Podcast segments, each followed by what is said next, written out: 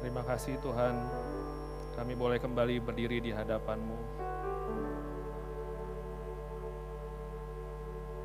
Kami percaya itu adalah karena kemurahan-Mu Tuhan. Tuhan, kami datang di hadapan salib-Mu. Kami menundukkan kepala kami Tuhan. Tanda kami orang berdosa Tuhan.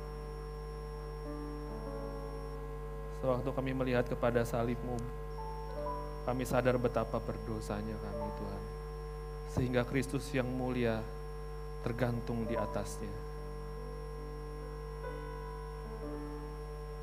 Tapi di waktu yang sama Tuhan, sewaktu kami melihat kepada salib-Mu Tuhan, kami menyadari betapa besarnya anugerah yang mulia itu. Yang mengampuni kami Tuhan. Bahkan melayakan kami berdiri di hadapan-Mu. Terima kasih Tuhan, kami diampuni Tuhan. Terima kasih kami diampuni Tuhan. Dunia nggak bisa beri pengampunan Tuhan. Tapi di atas salibmu Tuhan, Engkau ampuni kami sepenuhnya. Mari katakan kepada Tuhan, terima kasih Tuhan, aku diampuni Tuhan. Mari sadari keberdosaan kita hari ini. Dan mari sadari pengampunannya besar bagi kita. Terima kasih Tuhan, kami diampuni sepenuhnya Tuhan. Dan kami dilayakan berdiri di hadapan-Mu.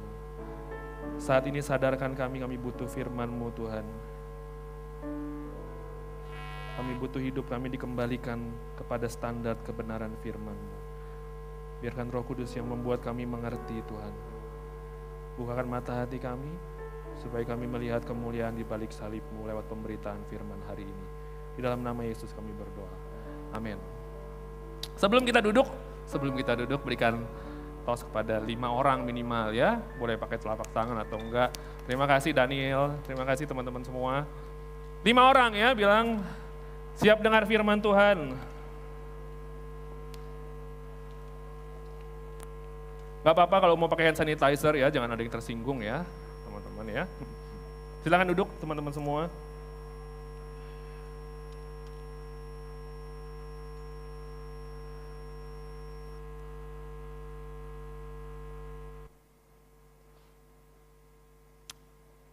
Mari siapkan catatanmu apabila teman-teman membawa catatan Alkitab ya kalau mencatat di, di uh, tab ya silakan teman-teman. Uh, biasakan untuk mencatat adalah budaya yang baik untuk teman mencatat kebenaran firman Tuhan, ya simpan perkataan Tuhan, ya tuliskan itu, doakan itu ya supaya terjadi dalam kehidupanmu. Nah hari ini teman-teman kita akan melanjutkan seri pembahasan kita di dalam eksposisi kitab Roma dan kita hari ini membahas dari Roma pasal yang kelima ayat 1 sampai 11 ya Roma pasal yang kelima ayat 1 sampai 11 boleh ditampilkan ya slide-nya di depan. Judulnya hari ini adalah hasil pembenaran ya. Hasil pembenaran. Aku nggak ganti judulnya. Ini seperti judul yang uh, rasul uh, yang di Alkitab tulis ya. Teman-teman aku nggak ganti-ganti. Judulnya adalah hasil pembenaran. Nah, teman kita selama ini kita belajar ya uh, hal yang sangat dasar sekali tentang pembenaran. Ya, apa maksudnya ya? Teman-teman mungkin ada yang baru pertama kali join ya atau teman-teman join tapi bolong-bolong jadi nggak ngerti gitu apa yang sedang dibahas. Tapi teman-teman yang sudah mengikuti dari awal sekali, kita lagi bahas tentang kitab Roma yang sedang membahas tentang betapa kita berdosa tetapi Injil menyelamatkan kita dan Tuhan mau kita hidup ya di dalam dasar daripada Injil Kristus. Nah, Paulus sedang membahas betapa berdosanya kita. Dan tetapi oleh anugerah Allah, kita yang berdosa dibenarkan. Ya, kita yang berdosa dibenarkan melalui iman kita kepada Tuhan Yesus yang mati bagi kita. Nah, teman-teman mesti tahu mujizat terbesar dalam kehidupan kita. Apa itu? bukanlah sakit jadi sembuh. Mujizat terbesar dalam hidup kita bukanlah tiba-tiba kamu jadi juara umum. Bukanlah kamu ada yang baru masuk diterima dalam perguruan tinggi negeri atau apa pun lah ya. Teman-teman, sekarang lagi masuk tahun ajaran baru ya. Biasanya kalau di Abayu tahun ajaran baru mulai rame. Karena mereka mencari Tuhan untuk diberkati sepanjang ya atau yang gagal menyesal dan kembali ke Tuhan, ya kan? Nah, tapi apa pun motivasinya biarkan Tuhan mengubahkannya ya. Nah, teman-teman uh, tadi ngomongin apa? Mujizat terbesar ya, thank you ya. Mujizat terbesar dalam kehidupan kita apa yang kita harus tahu dalam hidup kita? Mujizat terbesar dalam kehidupan kita, kita orang berdosa, tapi dijadikan anak Allah. Kita dibenarkan, dijadikan anak Allah. Kalau teman-teman menghargai dan mengetahui hal ini, kau akan tahu apa yang Kristus buat dalam hidupmu lebih daripada cukup. Ya, dan itulah yang akan kita pelajari lebih lanjut hari ini. Nah, judulnya adalah hasil pembenaran. Nah, teman-teman, Ketika Tuhan membenarkan kita, kita orang berdosa dijadikan benar. Ya, ada hal-hal yang akan kita alami. Ya, tentu hasil daripada anugerah keselamatan itu membawa kita kepada hidup yang benar. Nah, aku percaya teman-teman semua orang yang sudah diselamatkan, semua orang yang telah mendengar Injil dan menjadi percaya, dilahir baru oleh Roh Kudus, dijadikan benar oleh Roh Kudus, ya, memiliki iman kepada Tuhan Yesus pasti pasti memiliki ketaatan yang benar. Iman yang benar pasti disertai dengan ketaatan yang benar. Nah, makanya hari ini kita akan melihat hasil daripada pembenaran, apa yang akan terjadi dalam kehidupan kita. Ya, nah teman-teman mari kita lihat di depan. Nah, ini gambaran khotbah hari ini, ya. Klik ya. Nah, teman-teman doktrin pembenaran ya teman-teman eh, beberapa waktu terakhir di Abayu teman-teman dikasih doktrin. Ya. Teman mesti tahu gini, doktrin itu tidak bisa lepas daripada kehidupan. Kehidupan tidak bisa lepas daripada doktrin. Kehidupan kita ini terjadi dan kita lakukan karena kita punya doktrin. Nah masalahnya doktrinnya benar atau salah. Nah makanya selama beberapa bulan terakhir dan beberapa bulan ke depan aku akan mengajarkan teman-teman doktrin yang benar. Supaya kehidupan kita dibangun dengan benar. Nah teman-teman, kita nggak bisa pisahin doktrin dengan aplikasi ya. Semua doktrin yang benar akan membawa kita kepada praktek firman yang benar. Nah, hasil dari pembenaran, nah ini doktrin pembenaran. Kita sudah belajar beberapa minggu terakhir doktrin pembenaran. Doktrin pembenaran ini teman-teman akan mengubahkan tiga hal dalam kehidupan kita. Masa lalu kita, hari ini, masa sekarang kita, dan masa yang akan datang. Ya, aku akan lebih banyak membahas tentang masa yang akan datang hari ini. Ya, jadi kehidupan yang telah ditebus oleh Tuhan, yang telah dibenarkan oleh Tuhan, ada kuasa pembenaran. Kita nggak cuma bilang gini, ya kita orang berdosa dijadikan benar, terus apa? Ada kuasanya.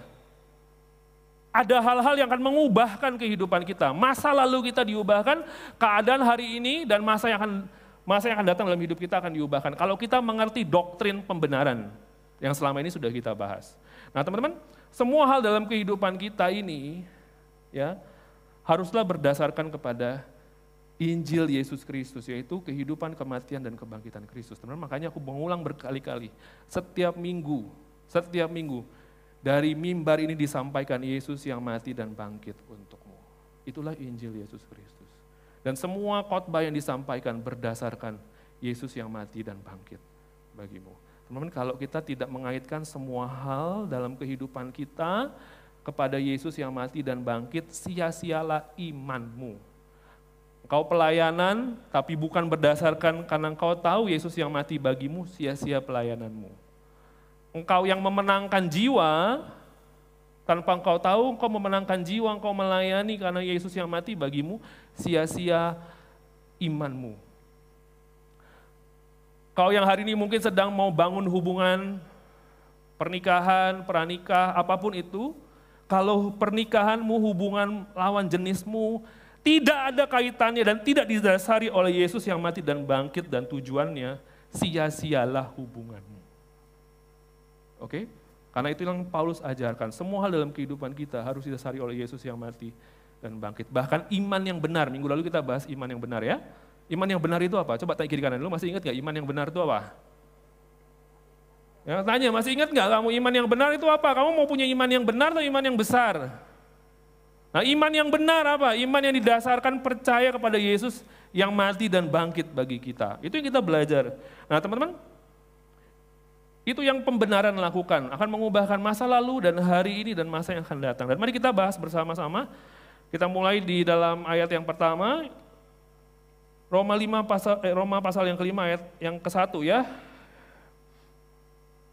Mari kita baca sama-sama ya. Sebab itu kita yang dibenarkan karena iman kita hidup dalam damai sejahtera dengan Allah oleh karena Tuhan kita Yesus Kristus. Nah teman-teman, ayat ini berkata gini, ketika kita dibenarkan melalui iman kita, kita dapat hidup dalam damai sejahtera. Ya, teman-teman, uh, ada yang aku pernah baca gini, apa perbedaan ya bahagia, atau ketenangan dengan damai sejahtera. Ya, damai sejahtera, ketenangan itu bisa didapatkan dari situasi. Tapi damai sejahtera didapatkan daripada Tuhan.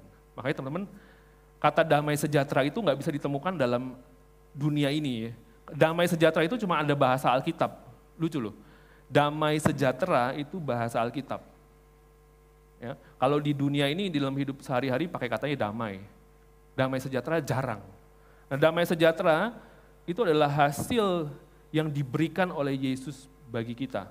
Nah teman-teman, dalam Roma 5 ayat 1 ini, ya kehidupan kita telah didamaikan oleh Tuhan Yesus.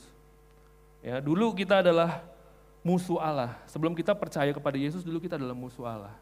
Tapi waktu kita percaya kepada Tuhan Yesus, kita bukan lagi musuhnya. Kita didamaikan dengannya. Bahkan kita dijadikan anak-anaknya. Nah teman-teman, boleh dilanjutkan nggak slide-nya ya? Aku tulis di depan. Aku akan cepat di bagian awal ya. Karena pembenaran melalui salib Kristus, kita nih yang dahulu adalah musuh Allah, sekarang kita menjadi anak-anak yang dikasihinya. Teman-teman aku suka mengulang hal ini. Kalau kita percaya bahwa hari ini kita adalah anak-anaknya.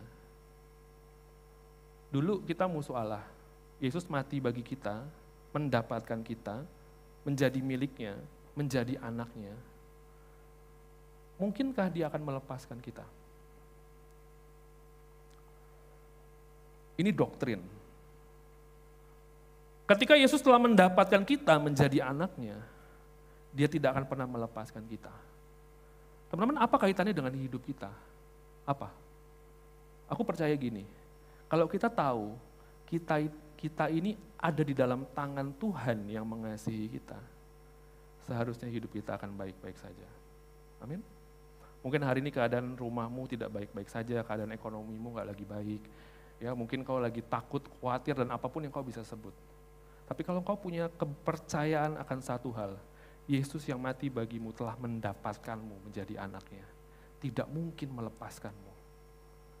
Kau harus bisa percaya juga, hidupmu baik-baik saja di dalam tangan Tuhan yang mengasihimu. Amin.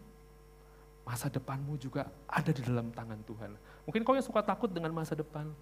Ya, gimana nanti kuliah ya, dari SMA udah tahu ya kira-kira nanti kuliah gak ada uang, gak ada biaya. Gimana nanti kerja, ya gimana nanti menikah, gimana nanti apa, gimana, gimana, gimana, gimana. Kalau kau percaya ini, kau akan menjalani hidupmu dengan aman. Amin teman-teman. Nah itu yang itu yang kuasa pembenaran Ya, itu yang penebusan Kristus lakukan. Masa lalu kita telah didamaikan dengan Allah. Nah, itu yang pertama. Nah, yang kedua, mari kita lihat Roma 5 ayat yang kedua. Kita baca sama-sama.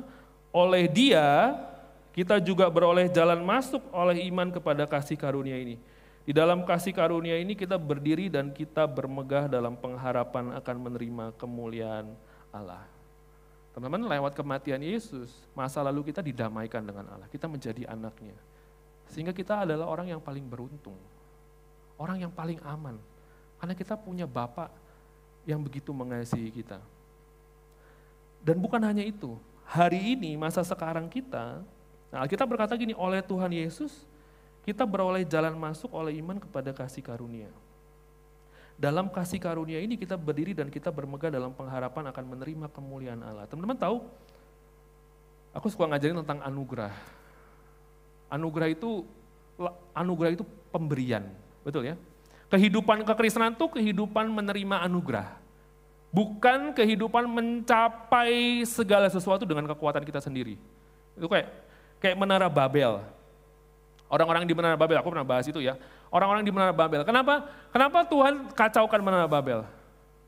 Kisah menara Babel, setelah kisah menara Babel selesai, mulailah kisah Abraham. Kisah menara Babel, orang-orang berusaha dengan kekuatannya sendiri untuk mencari nama, untuk mencapai sesuatu dengan kekuatannya sendiri. Tuhan nggak mau, kekristenan itu bukan bicara usaha mencapai segala sesuatu dengan kekuatan sendiri. Tetapi kekristenan adalah anugerah, hidup dalam anugerah. Makanya Tuhan kasih kontras menara Babel dengan Abraham. Abraham itu penyembah berhala. Tapi Tuhan panggil dia. Tuhan memberikan dia kemurahan, kasih karunia. Nah teman-teman, apa maksud daripada kasih karunia ini anugerah ya? ya? Hidup kita semua adalah anugerah. Amin, teman-teman. Kita bisa ibadah juga anugerah. Engkau bisa sekolah, anugerah. Engkau bisa kuliah, anugerah. Coba teman-teman bisa cek nggak dalam semua kehidupanmu ada kasih karunia di sana. Ya. Nah teman-teman, keselamatan dan seluruh kehidup kita adalah sesuatu yang kita peroleh daripada Tuhan, bukan karena jasa kita. Ya. Kebenaran ini membuat kita gini loh teman-teman. Kalau kenapa ya? Kenapa ya Tuhan? Kenapa Tuhan tidak mau kita hidup dengan kekuatan kita sendiri menggapai segala sesuatu? Karena orang yang hidup menggapai segala sesuatu ya, yang berambisi, mau ini, mau itu, mau ini, mau itu, mau ini, mau itu. Ketika dia mendapatkannya, dia akan berpikir bahwa itu semua karena dia dan itu punya dia, betul. Di dalam pelayanan juga sama. Ada orang berambisi mau jadi pemimpin. Ada, padahal dia nggak tahu ya, nggak enak ya jadi pemimpin ya. Di dalam pelayanan ada orang berambisi jadi pemimpin. Ya, melakukan segala sesuatu. Di dalam di dalam sekolah studi gitu. Ada orang berambisi jadi yang terdepan. Pernah ketemu orang kayak gitu teman-teman? Yang kalau ulangan gini, Lu bisa nggak bro? Enggak, enggak, enggak. Pas dibagi berapa? 100 dia. Orang yang kayak gitu harus dibinasakan. Orang itu paling sebel. Kalau kita lu bilang kalau nggak kalau bisa bilang bisa, kalau nggak bisa bilang nggak bisa ya kan nggak bisa nggak bisa bagi-bagi cepet juga dia ini kepret juga ini orang. Ya kita kita pikirkan kita punya teman ya. Kita pikir kita punya teman gagal, tahu nggak? Kita itu ya kalau gagal sendiri nggak apa-apa ya. Eh, gagal sendiri jangan gitu. Asal kita gagal rame-rame nggak apa-apa. Kayak orang disetrap ya, teman-teman. Disetrap rame-rame kan nggak nggak tertuduh ya, tapi seneng ya. Siapa yang nggak buat PR hari ini? Wah, gue pikir gue nggak buat PR sendirian gitu kan. Angkat tangan, angkat tangan. Wih, lama-lama, wih santai aja gitu kan. Maju semua, wih ketawa-ketawa. Eh, lu juga, lu juga, ya gue juga, ya kan. Nggak apa-apa. Orang, eh, orang-orang ambisi, orang-orang yang berambisi memperoleh sesuatu. Orang yang terus berusaha dengan kekuatan sendiri ingin memperoleh segala sesuatu. Ya. Adalah orang-orang yang susah juga melepaskan sakit waktu kehilangan. Tapi kalau orang tahu semuanya adalah anugerah Tuhan, semua dari Tuhan. Ketika sesuatu itu diambil daripadanya, bukan jadi satu hal yang menyakitkan bagi dia. Nah teman-teman, Ketika Tuhan Yesus membenarkan kita, kita menjadi anaknya, kita beroleh akses untuk menerima anugerah Tuhan dalam hidup kita. Sehingga kita menjadi orang yang boleh menjadi tenang dalam hidup ini. Bahwa Tuhanmu pikirkan hidupmu daripada engkau pikirkan hidupmu sendiri. Ada teman-teman suka takut hari esok? Kita khawatir, gak bisa tidur, ya ketakutan, nangis, gimana masa depan, gimana hari esok. Ketika kau menjadi anaknya, Tuhanmu terlebih care daripada dirimu care sama dirimu sendiri. Sehingga engkau boleh tenang, itulah anugerah Tuhan.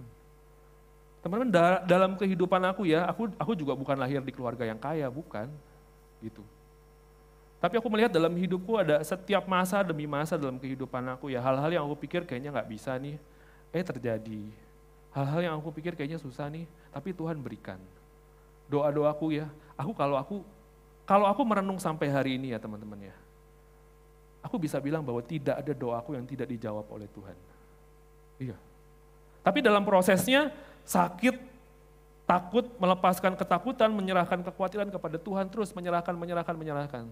Tapi aku tetap melihat dalam kehidupanku, semuanya disediakan oleh Tuhan. Teman-teman di dalam Tuhan hidupmu akan baik-baik saja. Amin. Karena engkau punya Tuhan yang memegang kehidupanmu. Kalau engkau merasa ada banyak hal yang kau perlu pikirin hidupmu detail A, B, C, D, A, B, C, D, A, B, C, D. Sedetail-detail yang kau pikirin hidupmu, Tuhanmu lebih detail pikirin hidupmu. Hidup ini adalah anugerah. Dan semua hal yang akan kita dapatkan, bahkan yang sudah kita dapatkan, itu karena kebaikan yang dicurahkan bagi hidup kita. Amin teman-teman. Dan itulah yang pembenaran lakukan. Kita dulu musuh Allah jadikan anaknya, waktu kita udah jadi anaknya, kita beroleh akses untuk menerima anugerah Tuhan. Betapa indahnya hidup di dalam Tuhan. Teman-teman, aku nggak pernah menyesal ikut Tuhan. Kau boleh tanya juga pemimpin-pemimpin yang ada di sini. Aku nggak pernah menyesal ikut Tuhan.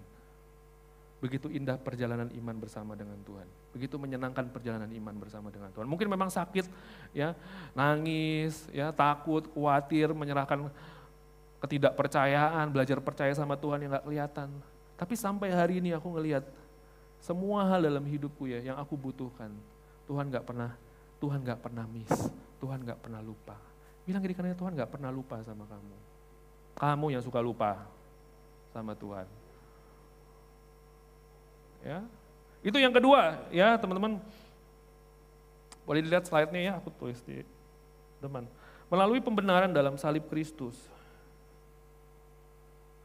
Ya, hari ini kita diberikan anugerah untuk dapat memiliki hubungan yang dekat dengan Allah.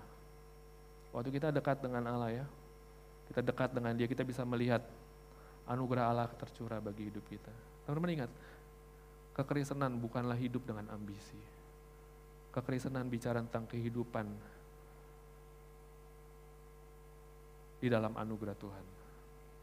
Nah, mari kita lihat yang ketiga, poin yang ketiga. Ya, tadi masa yang lalu, masa sekarang, nah kita baca ayatnya sama-sama dalam Roma 5 ayat 3 sampai 5. Yang kali ini kita baca sama-sama, boleh tampilkan? Mari kita baca sama-sama, satu, dua, tiga. Dan bukan hanya itu saja, kita malah bermegah juga dalam kesengsaraan kita. Karena kita tahu bahwa kesengsaraan itu menimbulkan ketekunan, dan ketekunan menimbulkan tahan uji, dan tahan uji menimbulkan pengharapan, dan pengharapan tidak mengecewakan, karena kasih Allah telah dicurahkan di dalam hati kita oleh roh kudus yang telah dikaruniakan kepada kita. Nah teman-teman, ini bagian yang terakhir aku akan bahas lebih panjang di dalam 20 menit terakhir tuh ya. Pembenaran, pembenaran itu bukan hanya mengubahkan masa lalu kita, masa hari ini kita, tapi juga masa yang akan datang. Kalau kita mengerti apa yang Yesus buat dalam kehidupan kita, kita juga dapat melihat hari depan kita. Nah teman-teman, Pembenaran itu memberikan kepastian akan masa depan. Oh iya, nanti aku akan bahas tentang hal ini. Pembenaran itu memberikan kita kepastian akan masa depan. Nah teman-teman, semua yang berpikir tentang masa depan, ini hari ini, ini masa depan.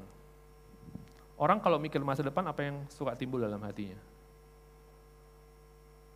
Ketakutan, betul ya? Kekhawatiran, ada yang hari ini lagi khawatir sama masa depan? Boleh angkat tangan?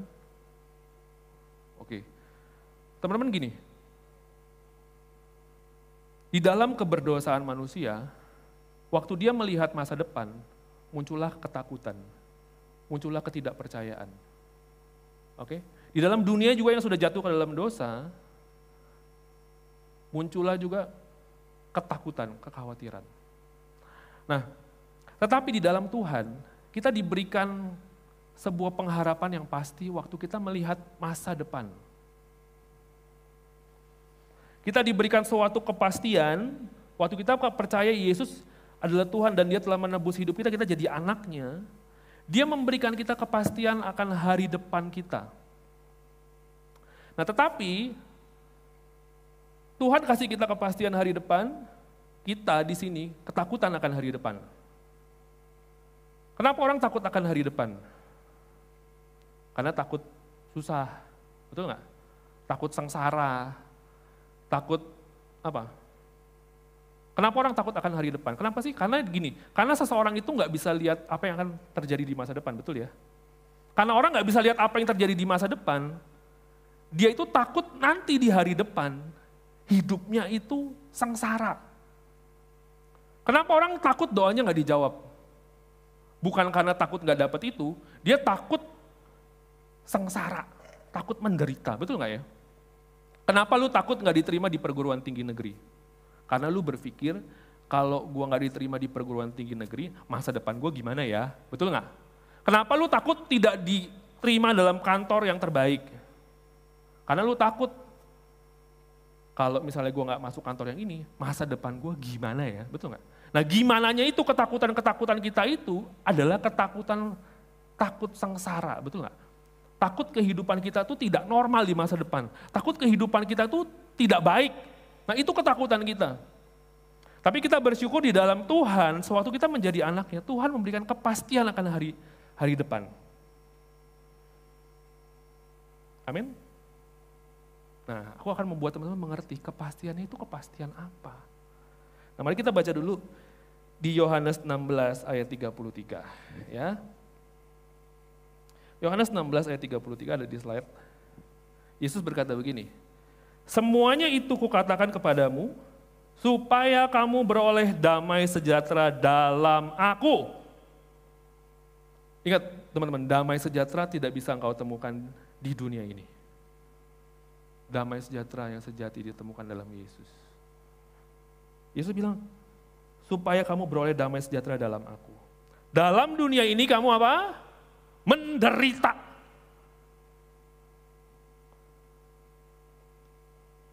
Tetapi kuatkanlah hatimu, aku telah mengalahkan dunia. Ada sebuah kepastian bagi kita yang hidup di dunia ini. Kita akan menderita. Apalagi waktu kita melihat ke masa depan. Kita punya banyak ketakutan, kita punya banyak kekhawatiran. Kita takut, kita takut menderita. Tapi Yesus bilang gini, tapi kau akan temukan damai sejahtera bukan daripada dunia ini tapi di dalam aku. Nah teman-teman, kalau kita melihat kata menderita, boleh ditampilkan nggak tadi? Yesus bilang gini, dalam dunia kamu menderita. Nah kata menderita teman-teman dalam bahasa Inggris dia pakai kata tribulation. Tribulation. In the world you will have tribulation. Dia bilang. Nah teman-teman tahu tribulation itu bahasa Inggris dari akar kata bahasa Yunani, tribulum. Nah tribulum itu, nah ini tribulum. Nah teman aku akan jelasin. Nah tribulum itu adalah sebuah papan pengirik gandum. Jadi orang-orang dulu itu kalau panen gandum, mereka itu akan memisahkan gandum bulir-bulirnya dengan batangnya. Pakai papan tribulum namanya. Nah papan ini kalau dibalik itu duri, itu tuh besi-besi semua. Ada yang pakai tulang binatang, ada yang pakai besi-besi.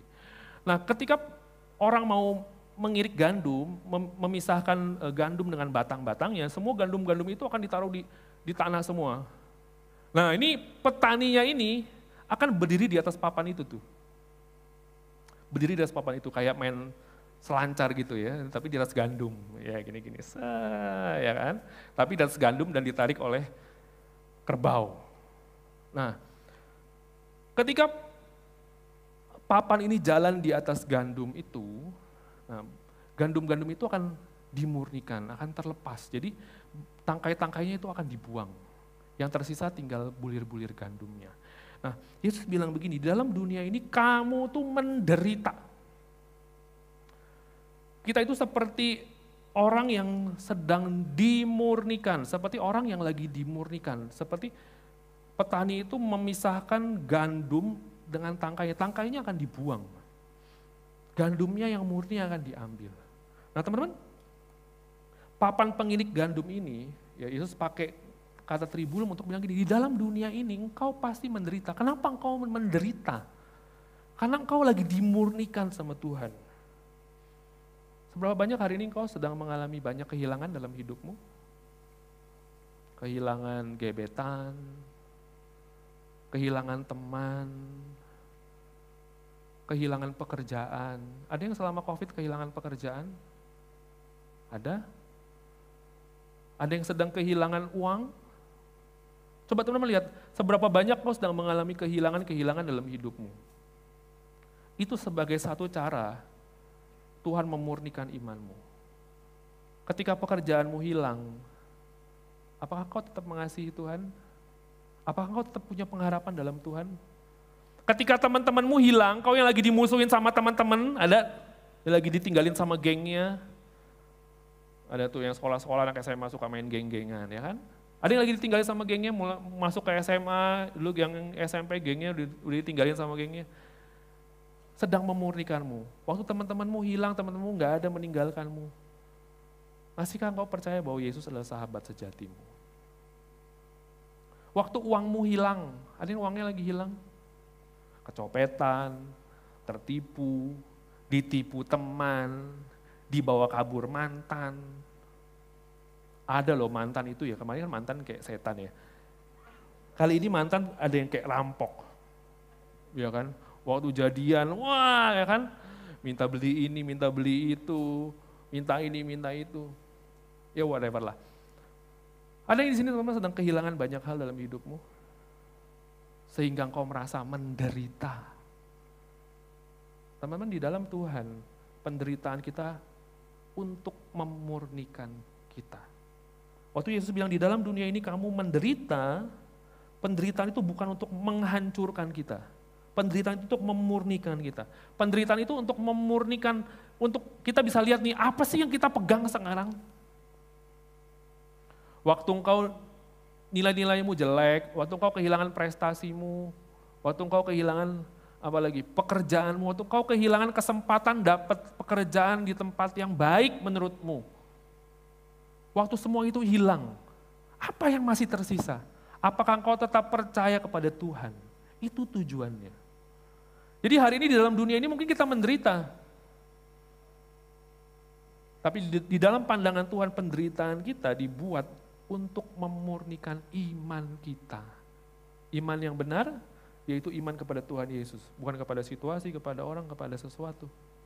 Nah, lewat kehilangan-kehilangan kita, lewat penderitaan kita, Tuhan sedang memurnikan kita.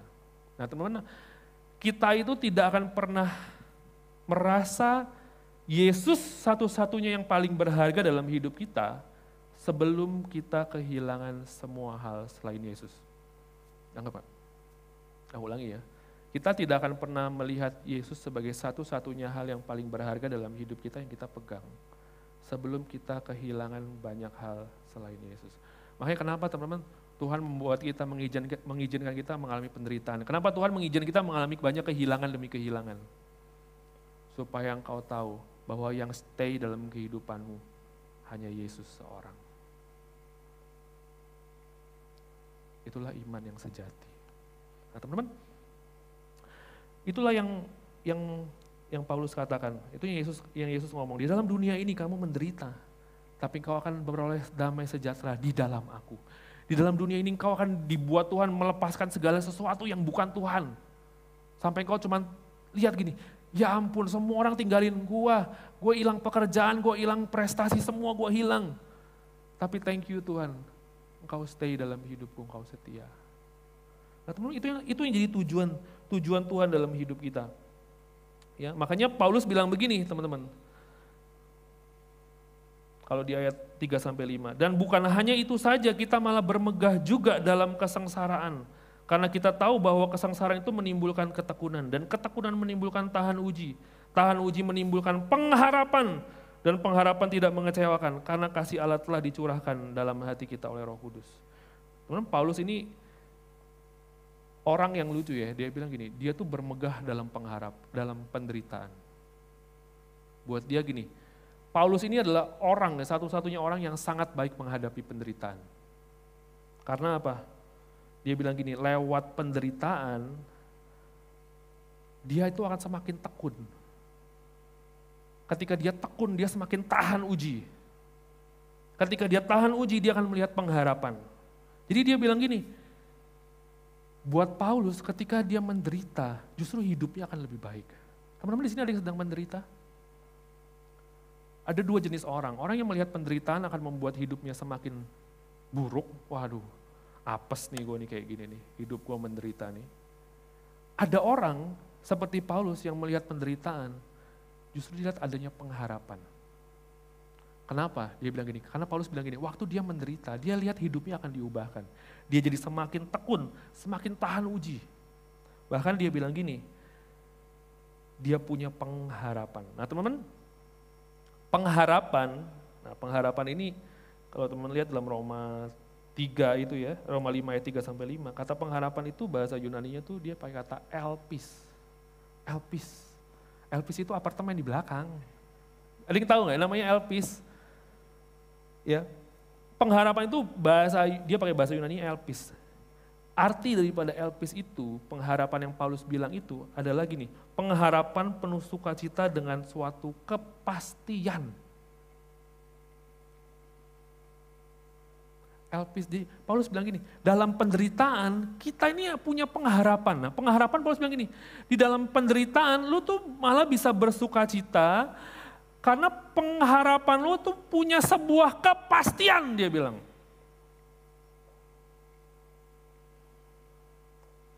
Pengharapan tapi ada kepastian. Biasanya pengharapan karena ada ketidakpastian. Nah, tapi Paulus lucu dia bilang gini, dia ini lewat penderitaan dia punya pengharapan yang pasti. Berarti gini, ada orang kan kalau misalnya lagi hidup susah, misalnya dia lagi berdoa supaya diterima di perguruan tinggi negeri lah gitu. Pengharapan dia bisa diterima di PTN, tapi pasti nggak sebenarnya itu? Nggak pasti ya. Teman-teman kita mesti tahu di dalam dunia ini tidak ada yang pasti.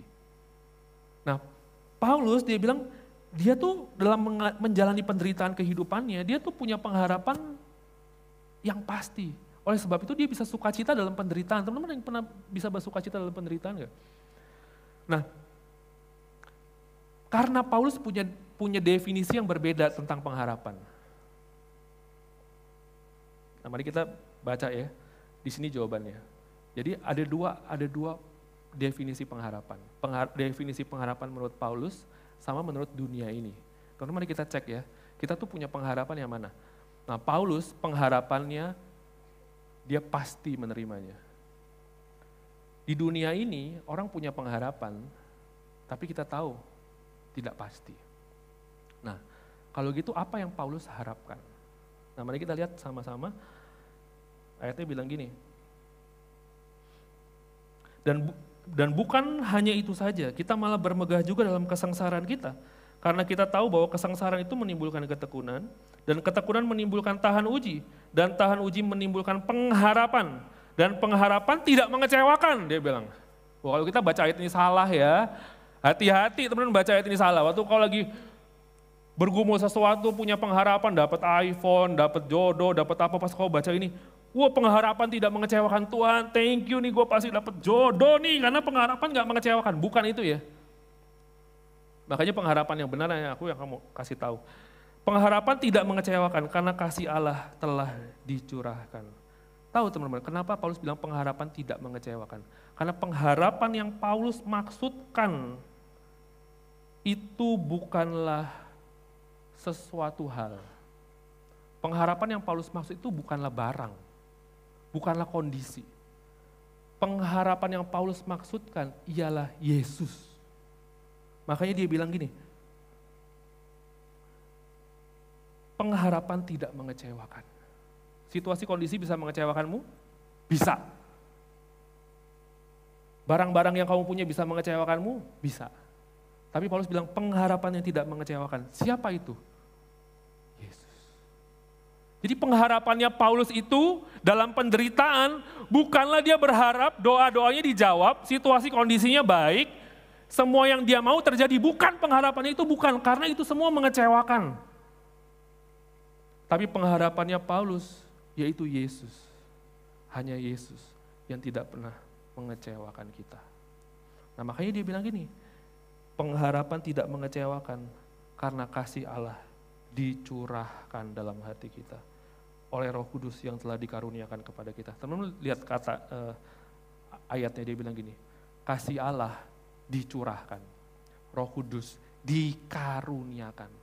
Kalau teman baca bahasa Yunani ya, kasih Allah itu dicurahkan. Tahu arti kata dicurahkan dalam bahasa Yunani itu bukan sekedar disiram gitu, tapi dikasih dengan melimpah, pure gitu. Apa maksudnya? Paulus bilang gini, aku ini hidup menderita, tapi sukacita. Kenapa? Karena aku punya pengharapan. Apa pengharapannya Paulus? Bukannya dia sakit jadi sembuh, bukannya dia miskin jadi kaya, bukan. Bukannya pengharapan Paulus diterima di perguruan tinggi negeri. Aku nggak menyalahkan kita pengen ya, tapi pengharapan kita kalau kita taruh di situ salah. Pengharapannya Paulus bukan tahun depan dapat jodoh. Pengharapannya Paulus bukan sesuatu hal. Pengharapannya Paulus bukanlah sebuah benda yang kita nanti-nanti bukan. Punya mobil, punya motor baru yang gede, yang bagus. Itu pengharapan itu akan mengecewakanmu. Paulus berkata gini, dalam penderitaannya dia punya pengharapan sehingga dia sukacita. Kenapa?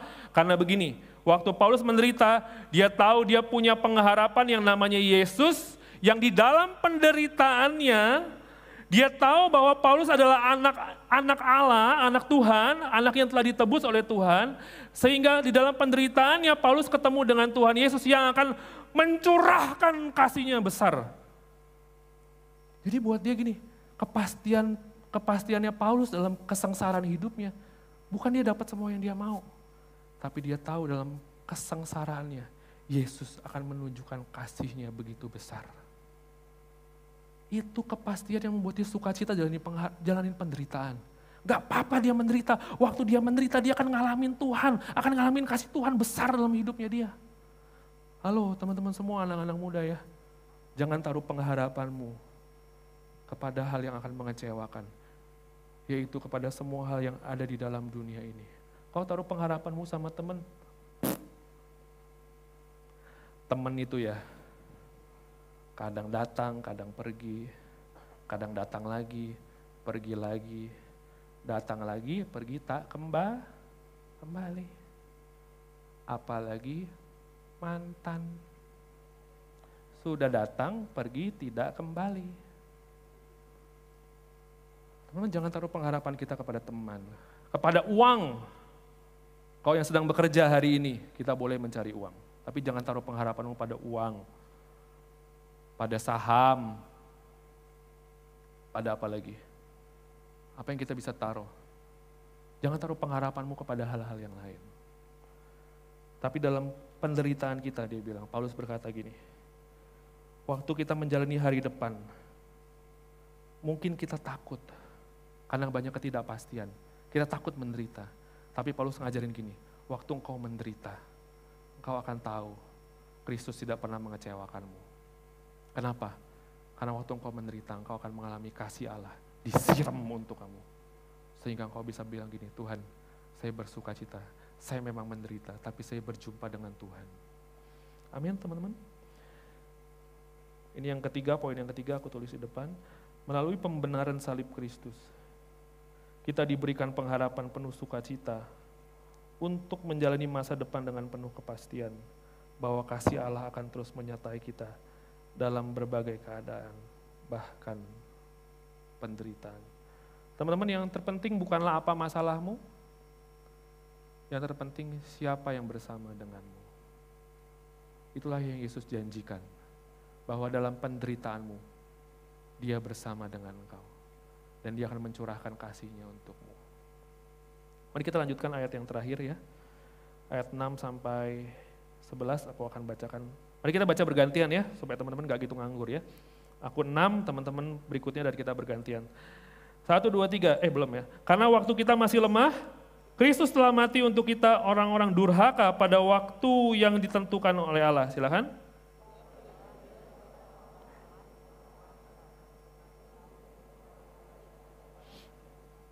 Akan tetapi Allah menunjukkan kasihnya kepada kita oleh karena Kristus telah mati untuk kita ketika kita masih berdosa.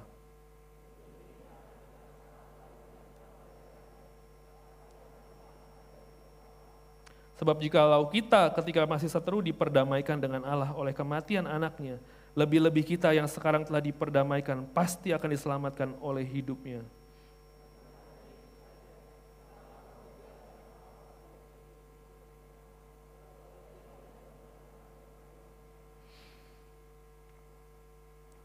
Firman hari ini tiga. Di dalam pembenaran, masa lalu kita telah didamaikan dengan Tuhan. Kehidupan kita hari ini kita beroleh anugerah dalam Tuhan. Masa depan kita, meskipun kita menderita, kita punya pengharapan yang pasti karena kasih Allah dicurahkan dalam hidup kita waktu kita menderita. Seberapa besar kasih Allah itu yang dicurahkan? Ayat yang tadi adalah inti daripada sepanjang satu perikop itu teman-teman. Dia bilang begini, seberapa besar kasih Allah dicurahkan?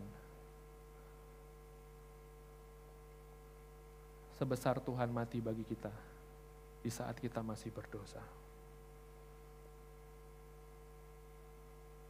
Sebesar apa kasih Allah dicurahkan? Teman-teman hari ini, kita ini dulu musuh Allah, sekarang kita anaknya. Kita menderita. Apakah Allah tidak care dengan hidup kita? Tapi sebesar ketika kita menjadi anaknya, ketika kita menderita, Tuhan janji dalam penderitaan kita, dia akan mencurahkan kasihnya buat hidup kita. Pertanyaan kita, seberapa besar kasihnya? Seberapa besar kasih Allah buat hidup kita? Seberapa besar? Sebesar ini. Bahkan sewaktu kita dulu belum percaya kepada Tuhan, sewaktu kita berdosa, dia tetap mati bagi kita. Teman-teman tahu gak salah satu kelemahanku itu apa ya dalam memimpin? Aku tuh kalau memimpin orang yang sudah, yang suka memberontak, biasanya aku tuh udah give up duluan. Dan aku gini, ya wes lah gitu. Susah diatur kan, udah silakan mau buat dosa, buat dosa silakan deh. Gak pusing. Itu tuh kelemahanku. Tapi aku tahu aku diubahkan ketika Paulus mengatakan, Kristus mengasihi kita. Bukan sewaktu kita taat.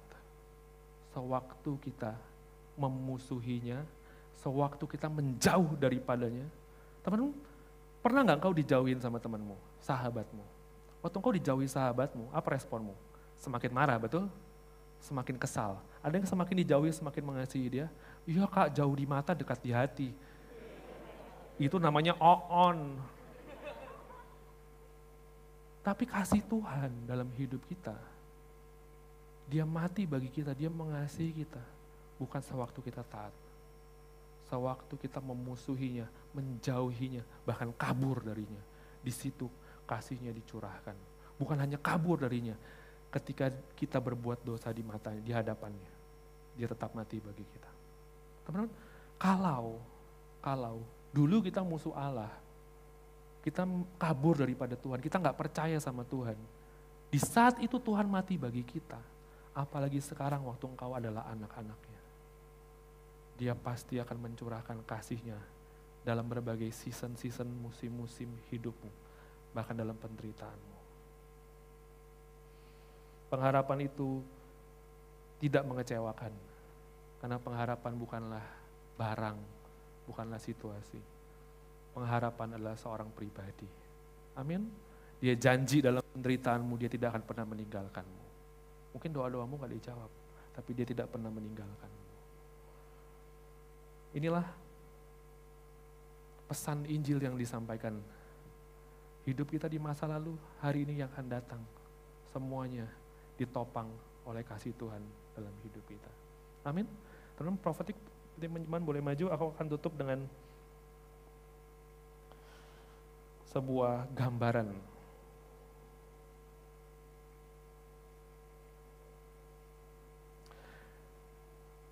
Di beberapa waktu terakhir kita bahas tentang iman, tentang Abraham. Betul ya? Puncak daripada kisah Abraham itu ada di mana teman-teman? Puncak daripada kisah Abraham bukanlah waktu Abraham punya anak. Minggu lalu kita bahas ketika Abraham akhirnya bisa memperoleh anak. Ishak. Dulu Sarah dan Abraham ketika dikasih tahu akan punya anak dia tertawa. Ishak artinya apa? Tertawa dia bilang. Bahkan di akhir Sarah bilang gini, Tuhan telah membuatku tertawa karena memperoleh Ishak.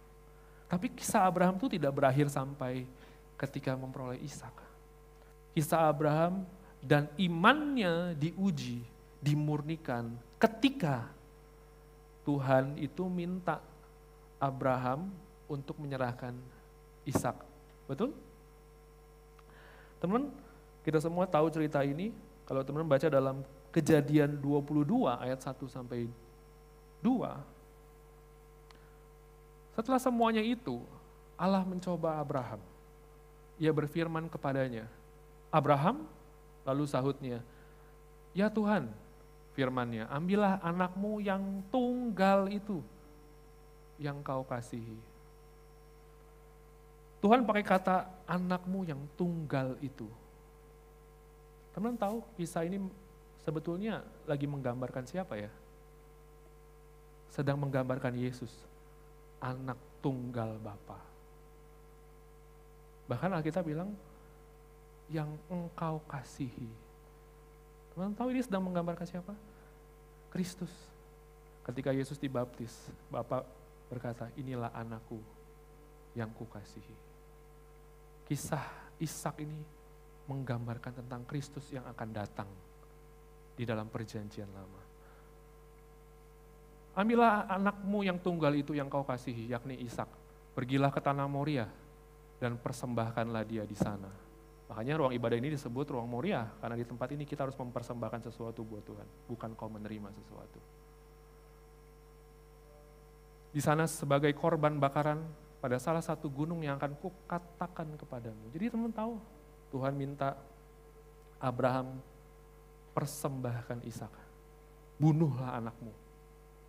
Di dalam kejadian 22 ayat 6, Abraham mengambil kayu. Wait, Lalu Abraham mengambil kayu untuk korban bakaran itu dan memikulkannya ke atas bahu Ishak. Ini menggambarkan siapa ya? Ini menggambarkan Yesusmu yang mengambil kayu ditaruh di pundaknya. Itulah kayu salibnya. Dan sedang di tangannya Abraham dibawanya api dan pisau. Ketika Yesus memikul salibnya, apa yang ada di tangan Bapa di surga? Api amarah. Demikian keduanya berjalan bersama-sama. Itulah gambaran Yesus yang pikul salibnya. Bapa di surga melihatnya ke bawah. Siap memberikan piala murkanya itu. Tapi kita lihat lagi dalam kejadian 22 ayat 9 sampai 12. Sampailah mereka di sampailah mereka ke tempat yang dikatakan Allah kepadanya. Lalu Abraham mendirikan mesbah di situ. Disusunnyalah kayu, diikatnya Ishak, anaknya itu, dan diletakkannya di mesbah itu, di atas kayu api. Sesudah itu Abraham mengulurkan tangannya, lalu mengambil pisau untuk menyembelih anaknya. Tetapi berserulah malaikat Tuhan dari langit kepadanya, Abraham, Abraham, sahutnya, ya Tuhan. Lalu ia berfirman, jangan bunuh anak itu dan jangan kau apa-apakan dia. Sebab telah ku ketahui sekarang bahwa engkau takut akan Allah dan engkau tidak segan-segan untuk menyerahkan anakmu yang tunggal kepadaku. Di dalam kisah Abraham, Abraham itu mengambil pisau untuk menikam untuk membunuh anaknya. Tapi Bapak di surga bilang gini, stop! Tapi kita tahu cerita Yesus kita, ketika Yesus memikul salibnya, ketika paku menikam tangannya, ketika lambungnya ditikam oleh pisau, Allah Bapa tidak berkata stop. Allah Bapa di atas membiarkan Yesus ditikam sampai mati. Apa hubungannya dengan kita? Apabila Kristus rela ditikam karena pelanggaran-pelanggaran kita. Apabila pada saat dulu Ishak ketika mau ditusuk, Bapak suruh stop. Tapi ketika Yesus mau ditusuk karena pelanggaran kita, Bapak itu membiarkannya. Teman-teman dalam proses penderitaan kita, engkau tidak pernah ditinggalkan sendirian. Kenapa Yesus, kenapa Bapak mengizinkan Yesus ditikam dan mati? Supaya ini dia. Mari kita baca. Allah Bapa rela terpisah oleh Yesus yang menanggung penderitaan kita karena pelanggaran, kejahatan dan dosa kita. Supaya sewaktu kita menjalani penderitaan dalam dunia ini, kita dapat terus mengalami kasih Bapa yang tidak terpisahkan. Kenapa Bapakmu di surga mengizinkan Yesus ditusuk sampai mati? Dia terpisah dari anaknya di dalam penderitaan anaknya. Supaya kita yang adalah anak-anaknya hari ini, waktu kita menjalani penderitaan, kita tidak pernah terpisah oleh Bapa yang mengasihi kita. Amin teman-teman semua. Hari ini, apakah pengharapan terbesar dalam hidupmu?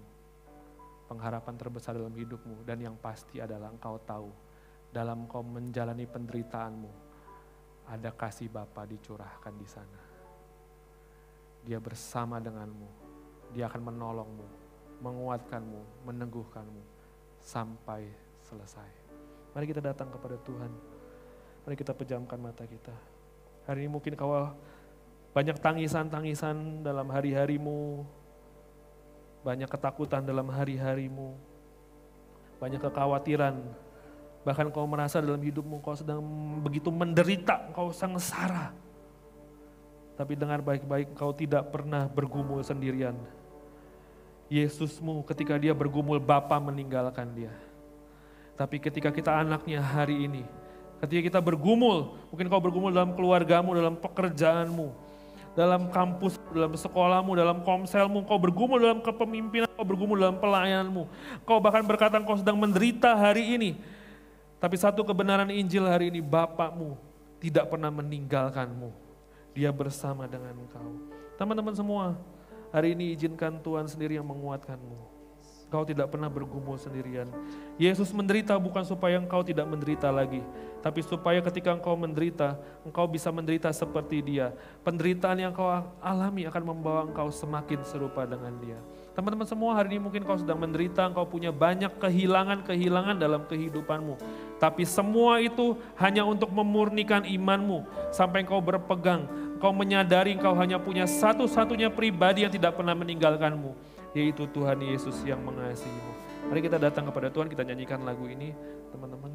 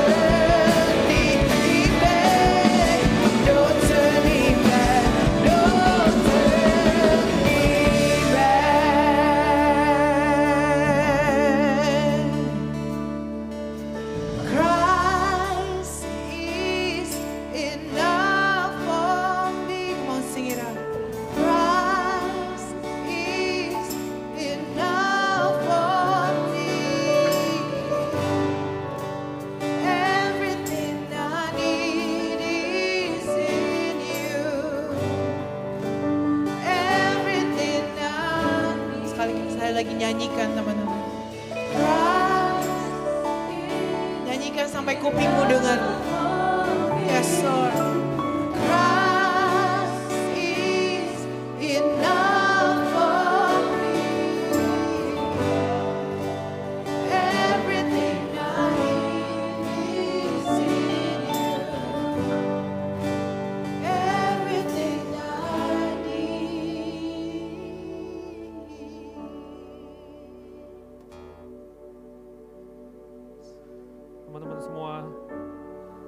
Engkau di tempat ini?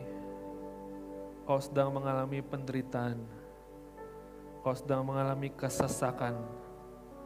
Kau sedang mengalami kehilangan banyak hal. Adakah engkau di tempat ini yang sering kali engkau takut, kau menangis karena kau sedang mengalami kehilangan banyak hal dan kau merasakan begitu sesak di hatimu. Kalau ada kami akan mendoakan teman-teman semua. Bolehkah engkau taruh tanganmu di hatimu? Kau yang sedang mengalami kesesakan karena kau kehilangan banyak hal. Kau kehilangan orang yang kau kasihi, kau kehilangan persahabatan. Kau kehilangan uangmu. Kau kehilangan banyak hal. Kau merasa begitu sesak sekali. Hari ini Tuhan ingin menguatkan bahwa engkau bisa kehilangan banyak hal, tapi engkau memiliki Kristus. Adakah engkau di antara teman-teman semua yang beribadah hari ini, kau mengalami kesesakan di hatimu, taruh tanganmu di dadamu. Mari kita doakan teman-teman kita. Uh, boleh teman-teman kiri dan kanan lihat yang menaruh tangan di dadanya, kita kita doakan mereka. Mari para pekerja, para pemimpin bangun dari tempatmu, kita uh, kuatkan teman-teman kita yang menaruh tangan di uh, dada mereka ya. Uh, kiri dan kanan juga boleh mendoakan ya. Teman-teman kita yang sedang mengalami kesesakan dalam hatinya karena ada banyak hal kehilangan rasanya sakit sekali. Biarkan hari ini kita menguatkan mereka bahwa Kristus lebih daripada cukup dalam hidup mereka. Kristus tidak pernah meninggalkanmu. Dalam penderitaanmu kasih Allah akan dicurahkan. Kasih Allah dicurahkan. Mari teman-teman kita kuatkan teman-teman kita. Ya, Siapa pun kau boleh mendoakan. Di sini kita saling melayani, di rumah ini kita saling melayani. Kuatkan teman-teman kita yang taruh tangan di hati mereka. Kau bisa kehilangan banyak hal, tapi kau gak bisa kehilangan Kristus yang mengasihimu. Dia ada untukmu. Dia mati bagimu. Dia yang telah mendapatkanmu. Dia tidak akan pernah meninggalkanmu. Mari kita kuatkan mereka.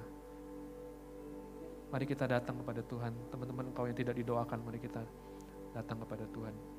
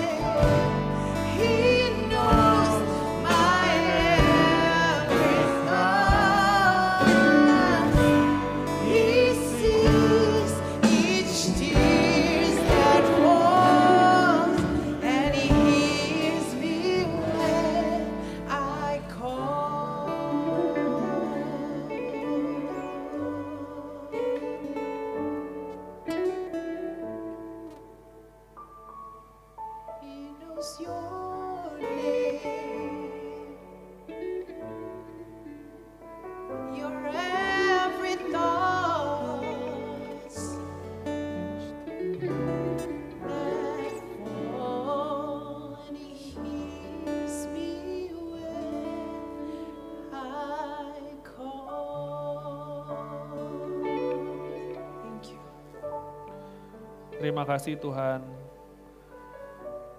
Kami bisa kehilangan banyak hal Tuhan. Kami bisa menderita karena kami begitu banyak kehilangan. Tapi kau sedang memurnikan kami supaya kami dapat melihat kami tidak pernah kehilanganmu Yesus. Kau ada bersama dengan kami Tuhan. Memberikan penghiburan, kekuatan, dan kau mencurahkan kasih-Mu. Engkaulah yang kami butuhkan, Engkaulah yang kami perlukan dalam hidup ini. Bawa hati kami terus berpegang hanya kepadamu. Terima kasih Tuhan, di dalam nama Yesus kami telah berdoa. Engkaulah segalanya bagi hidup kami. Amin.